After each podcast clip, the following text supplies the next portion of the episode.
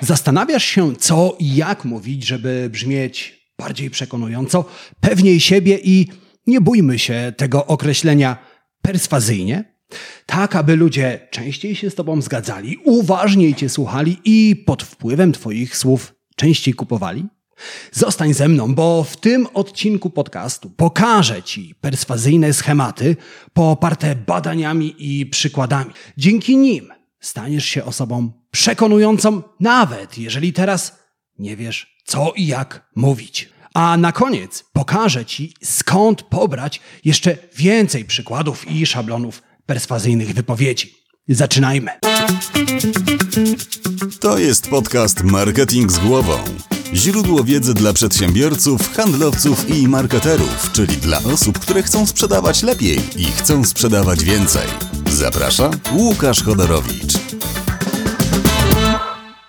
Witam Cię w podcaście Marketing z głową. W podcaście, w którym zajmujemy się klientologią, czyli uczymy się, jak zmieniać przypadkowych konsumentów w płacących klientów. Pamiętaj, że swoją własną, skoncentrowaną porcję klientologii w każdy poniedziałek możesz dostać prosto na swojego maila. Wystarczy, że zapiszesz się do newslettera Marketing z głową. A jeżeli od razu chcesz przejść na wyższy poziom marketingowej wiedzy, dołącz do newslettera Marketing Navigator. Linki do obu newsletterów znajdziesz w opisie tego odcinka podcastu. Ale zanim pobiegniesz się zapisać, zatrzymaj się, zrób zrzut ekranu swojej aplikacji do słuchania podcastów, udostępnij swoje relacji i oznacz mnie. Dzięki temu bliżej się poznamy. Dlatego teraz zapisz się do newslettera, opublikuj relację, a ja na ciebie poczekam. Zrobione? Świetnie. W takim razie zaczynajmy.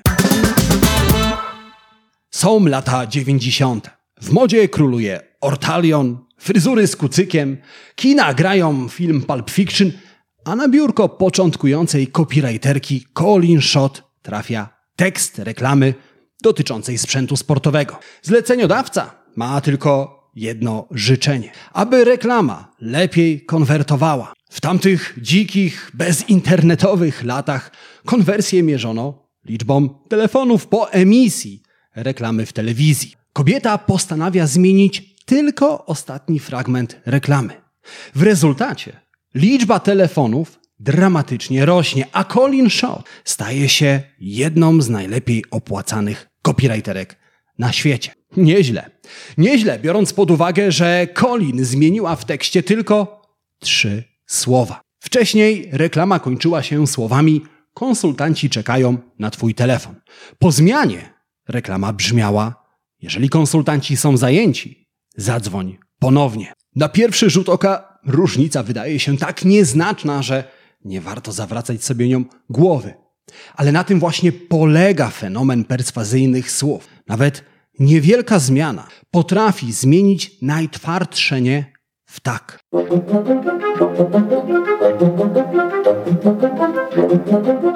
Problem polega na tym, że większość ludzi stara się przekonać innych do swoich racji, do zakupu, używając argumentów. Jednocześnie bagatelizują znaczenie słów w perswazyjnej wypowiedzi. A już prawdziwy dramat zaczyna się wtedy, gdy ten problem dotyczy przedsiębiorców, handlowców, marketerów, pracowników obsługi klienta itd. Tak itd. Dlatego, jeżeli należysz do jednej z powyższych grup zawodowych, ten odcinek podcastu szczególnie Ci pomoże. Dzięki niemu staniesz się osobą przekonującą i pewniejszą siebie. I od pewności siebie zacznijmy. Pewności siebie nie należy jednak mylić z arogancją. Arogancja jest wtedy, gdy patrzysz z góry na swojego rozmówcę. Pewność siebie jest wtedy, gdy jesteś cholernie przekonany co do tego, o czym opowiadasz. A sprzedawcy, pewni zalet swojej oferty, zawsze startują z uprzywilejowanej pozycji. Konsumenci bardziej wierzą ich słowom i częściej im ulegają, to znaczy częściej kupują. Pomyśl sam, kiedy chętniej kupisz parasol? Gdy ktoś mówi ci, że jutro może padać, czy gdy ktoś powie ci, że jutro będzie padać. Zwróć uwagę, że choć pomiędzy tymi zdaniami jest zasadnicza różnica, w codziennej komunikacji wcale nie zwrócisz na to uwagi. Zdanie jutro może padać i zdanie jutro będzie padać to praktycznie to samo zdanie. A jednak pod wpływem pierwszego zastanawiasz się, czy warto kupić parasol, a pod wpływem drugiego parasol kupujesz. Tak, masz rację. Na ogół pewność Twoim wypowiedziom odbiera słowo może. Dlatego wykreśl je ze swojego słownika, a przynajmniej ogranicz je do minimum. Jednak nie tylko słowo może odbiera perswazyjną moc Twoim wypowiedziom. Wyobraź sobie, że dwóch znajomych w tym samym czasie zaprasza Cię na film. Obaj wybrali różne filmy, na temat których kompletnie nic nie wiesz. Pierwszy znajomy zaprasza Cię słowami: Czy pójdziesz ze mną do kina na film, który moim zdaniem jest świetny? Drugi znajomy pyta się: Czy wybierzesz się ze mną do kina na świetny film? Choć obaj praktycznie w ten sam sposób formułują prośbę, badania dowodzą, że do kina chętniej pójdziesz z drugim znajomym.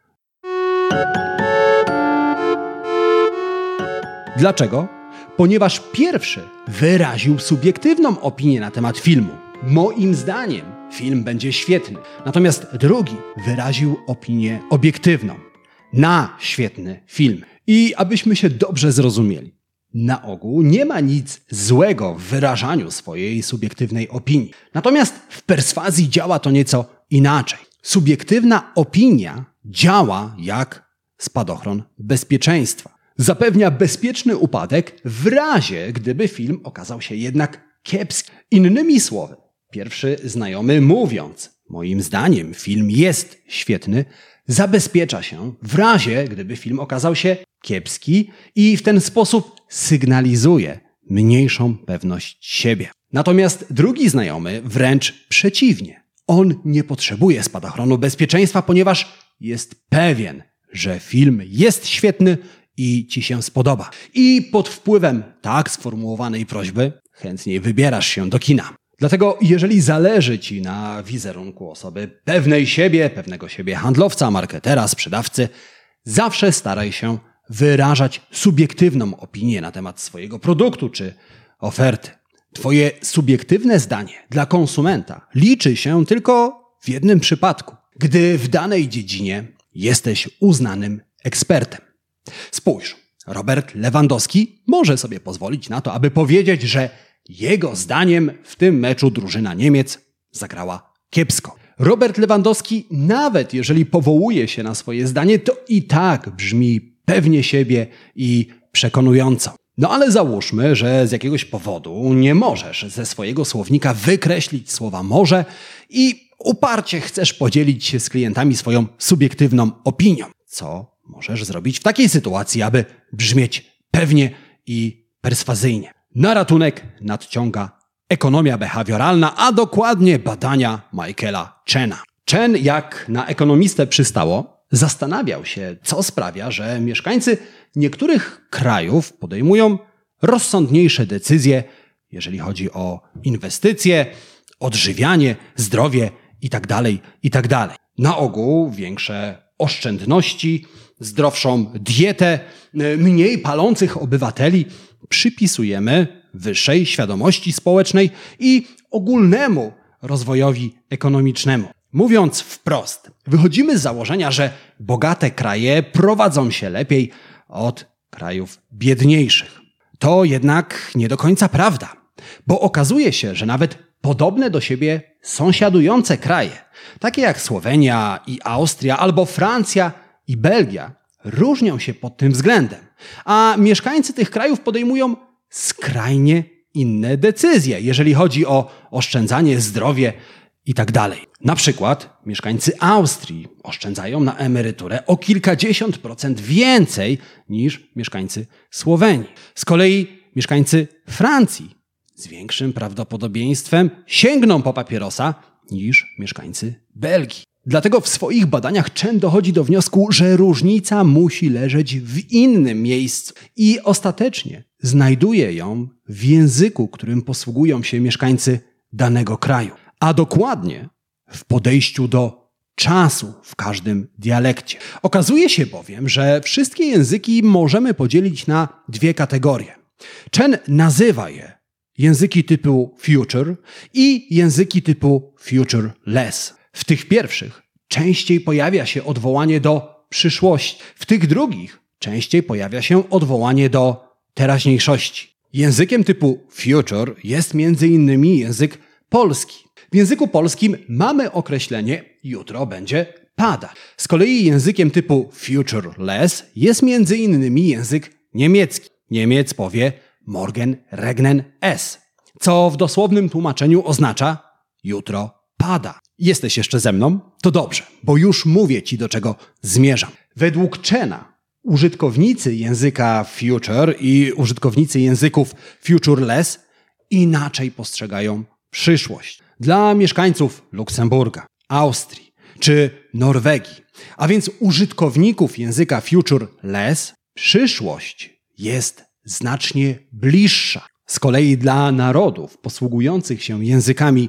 future, czyli między innymi Polaków, Włochów czy Francuzów, przyszłość jest czymś odległym, czymś, co wydarzy się, ale dopiero za jakiś długi czas. Dlatego ci pierwsi podejmują rozważniejsze decyzje w kwestiach, w których konsekwencje pojawiają się w przyszłości. Z kolei ci drudzy mają tendencję do podejmowania decyzji mniej roztropnych, ponieważ ich zdaniem konsekwencje pojawią się dopiero za długi, długi czas. Mówiąc inaczej, Austriacy odkładają pieniądze na emeryturę, ponieważ ich zdaniem emerytura może pojawić się lada dzień. Z kolei Włosi, Francuzi i Polacy nie odkładają na emeryturę tak dużych sum, ponieważ dla nich emerytura jest czymś odległym i abstrakcyjnym. Świetnie. Wyposażeni w badania Michaela Chena, wróćmy do perswazji. Zastanów się, który z dwóch nagłówków bardziej przekonacie do zakupu kursu na temat oszczędzania pieniędzy. Nagłówek A. Nasz kurs pomógł naszym klientom zyskać niezależność finansową. Nagłówek B. Nasz kurs pomaga klientom zyskać niezależność finansową. I choć możesz tego nie zauważać, podświadomość podpowiada ci, że drugi kurs jest skuteczniejszy. Ten pierwszy w przeszłości pomógł klientom, ale nic nie wskazuje na to, że dziś działa równie dobrze jak kiedyś. Z kolei drugie hasło wyraźnie daje do zrozumienia, że w momencie, w którym czytasz te słowa, kurs nadal działa i pomoże ci zyskać niezależność. Ta subtelna różnica w czasie wypowiedzi całkowicie zmienia wpływ, jaki wypowiedź ma na Twojego rozmówcę czy konsumenta. Ludzie intuicyjnie rozumieją upływ czasu. Dlatego lepiej przekonasz kogokolwiek do swojego zdania, do zakupu czy do swojej prośby, jeżeli będziesz posługiwał się czasem teraźniejszym. Dlatego zamiast mówić, nasz produkt pomógł, powiedz, nasz produkt pomaga. Zamiast pisać, z naszych usług skorzystali, napisz, z jakości naszych usług cieszą się. Wpływ czasu na perswazję potwierdził również profesor Johna Berger, autor książki Efekt wiralowy. Berger w swoich badaniach doszedł do wniosku, że publikacje naukowe, które napisane były w czasie teraźniejszym, zyskiwały większą popularność od prac na podobny temat, ale które były napisane w czasie przeszłym. Wniosek zatem jest oczywisty. Chcesz brzmieć pewniej siebie, bardziej przekonująco i perswazyjnie, gdy tylko to możliwe, wypowiadaj się w czasie teraźniejszym. Ale z badań wspomnianego Bergera możemy wyciągnąć dla siebie coś jeszcze. Berger analizował zapisy rozmów pomiędzy pracownikami helpdesków a klientami i zauważył, że pewnej grupie pracowników konsumenci wystawiali wyższe opinie. Poza tym, po rozmowach z tymi pracownikami, klienci częściej wracali i robili większe zakupy. Co takiego łączyło tych wyjątkowych pracowników obsługi klienta? Wszyscy posługiwali się tak zwaną lingwistyczną konkretyzacją. Ich słabiej oceniani koledzy i koleżanki podczas rozmowy z klientem opisywali problem mniej więcej takimi słowami. Doskonale pana rozumiem, ma pan problem ze swoim pojazdem. Z kolei skuteczniejsi pracownicy obsługi klienta zwracali się do rozmówców konkretnymi słowami. Jak twierdzi Berger, dzięki lingwistycznej konkretyzacji klienci czuli się wysłuchani i darzyli pracowników większą sympatią oraz zaufaniem. A jak wiadomo, od osób, którym ufamy i których lubimy, częściej kupujemy. Czy to jednak oznacza, że powinniśmy całkowicie zrezygnować z abstrakcyjnych określeń takich jak wysoka jakość, niezawodna obsługa itd.? Tak Niekoniecznie.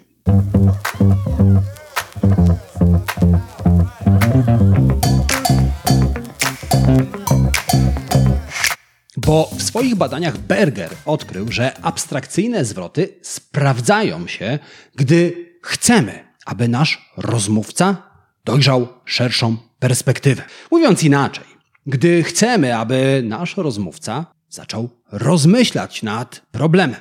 I w takiej sytuacji są między innymi startupy, które starają się zdobyć pieniądze od inwestorów. Inwestor, gdy dostrzeże szerszą perspektywę i zrozumie wizję startupu, chętniej wyciąga pieniądze z portfela. Dlatego okazuje się, że startupy, które podczas prezentacji swojego problemu opierają swoje wypowiedzi właśnie na abstrakcyjnych zwrotach, częściej dostają finansowanie. Dokładnie w takiej sytuacji w 2009 roku był Uber. Już wtedy Uber mógł o sobie konkretnie powiedzieć: aplikacja, która skraca czas oczekiwania na taksówkę. A jednak podczas prezentacji przed inwestorami założyciele Ubera powiedzieli: rozwiązanie transportowe, które jest wygodne, niezawodne i łatwo dostępne dla każdego. Czyli całe kombo abstrakcyjnych słów. A co wydarzyło się potem, jest tylko historią. A więc pamiętaj,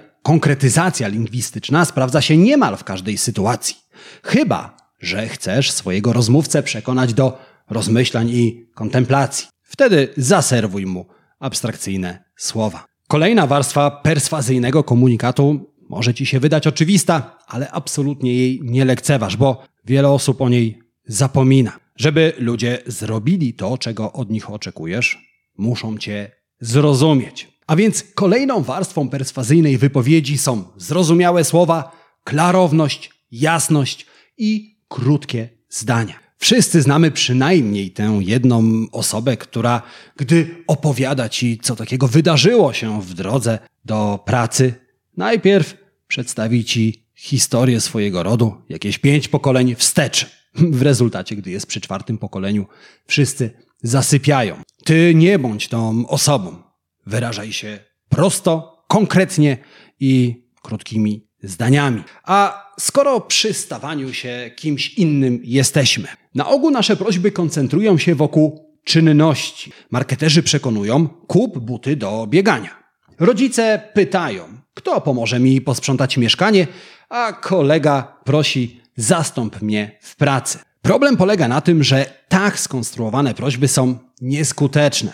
One sugerują, że adresat wypowiedzi musi coś zrobić. Zazwyczaj coś, na co nie ma ochoty. Bieganie jest męczące, sprzątanie nudne, a zastępowanie kogoś w pracy, no sam przecież wiesz. Można jednak sformułować prośbę lepiej, skuteczniej, bardziej perswazyjnie. Musisz jednak zamiast do czynności odwołać się do tożsamości rozmówcy. Marketerzy powinni sprzedawać buty dla biegaczy. Rodzice powinni pytać, kto chce zostać pomocnikiem, a kolega szybciej znajdzie zastępcę albo jeszcze lepiej wybawiciela niż kogoś, kto zastąpi go w pracy. Czynność to coś, co zrobić musimy, a tożsamość jest czymś, do czego aspirujemy, czymś, czym chcemy się stać.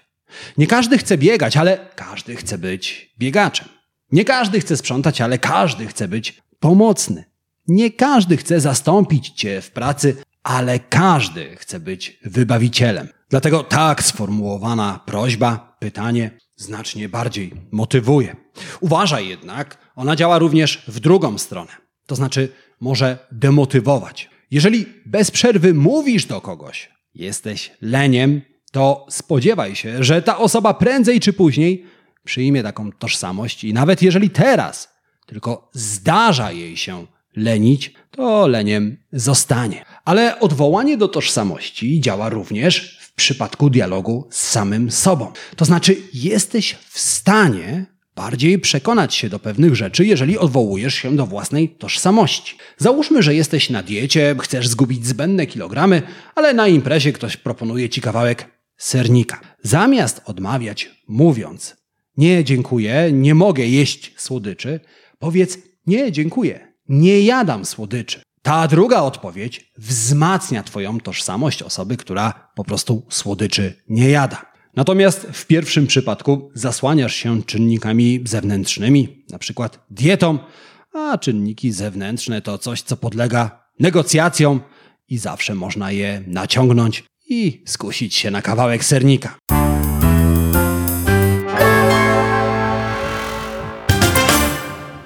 To oczywiście nie są wszystkie formy perswazyjnych wypowiedzi, ale to dobry początek i od tego zacznij. A jeżeli chcesz poznać więcej przykładów i więcej sposobów na to, aby brzmieć pewniej siebie i perswazyjnie, zostań do końca, bo za moment powiem Ci, jak je zdobyć. A teraz tradycyjnie czas na trzy najważniejsze rzeczy, które warto wynotować. Ale zanim Ci je zdradzę, dwie szybkie prośby. A ta pierwsza jest taka. Jeżeli znasz kogoś, komu wiedza z dzisiejszego odcinka, tak samo jak Tobie, może się przydać, udostępnij ten odcinek dalej. Możesz to zrobić na Facebooku, w mailu, w Messengerze, w WhatsAppie. Jakikolwiek sposób będzie świetny. A ta druga prośba jest jeszcze prostsza. Jeżeli w tym momencie słuchasz mnie w Spotify, w Apple Podcast albo oglądasz na YouTubie, nie zapomnij zasubskrybować podcastu Marketing z Głową i wystawić pod nim recenzji. Obie te rzeczy zajmą Ci kilka sekund, a dzięki nim wiedza z tego podcastu dotrze do osób, które jej potrzebują. A teraz czas na trzy najważniejsze lekcje, które warto wynotować. Po pierwsze, pamiętaj, że w perswazyjnej wypowiedzi nie tylko argumenty się liczą. Ważne są również słowa i forma, w jakiej się wypowiadasz. Po drugie, pamiętaj, że od razu zaczniesz brzmieć pewniej siebie, gdy będziesz wypowiadał się w języku teraźniejszym. I po trzecie, pamiętaj, że aby brzmieć przekonująco i perswazyjnie, odwołuj się do tożsamości Twojego rozmówcy. Jeżeli to zapamiętasz i zastosujesz, Twoje wypowiedzi i hasła reklamy staną się bardziej przekonujące. I tego gorąco Ci życzę. A jeżeli chcesz poznać więcej pomysłów na to, jak stać się osobą przekonującą, pewniejszą siebie, zajrzyj do opisu dzisiejszego odcinka podcastu Marketing z Głową. Tam znajdziesz link, kliknij, pobierz to, co dla Ciebie przygotowałem. A na dzisiaj to już wszystko. Życzę Ci udanego dnia, udanego tygodnia i przypominam, że my słyszymy się w kolejnym odcinku podcastu Marketing z Głową, marketingowego podcastu numer jeden w Polsce. Do usłyszenia, do zobaczenia. Cześć.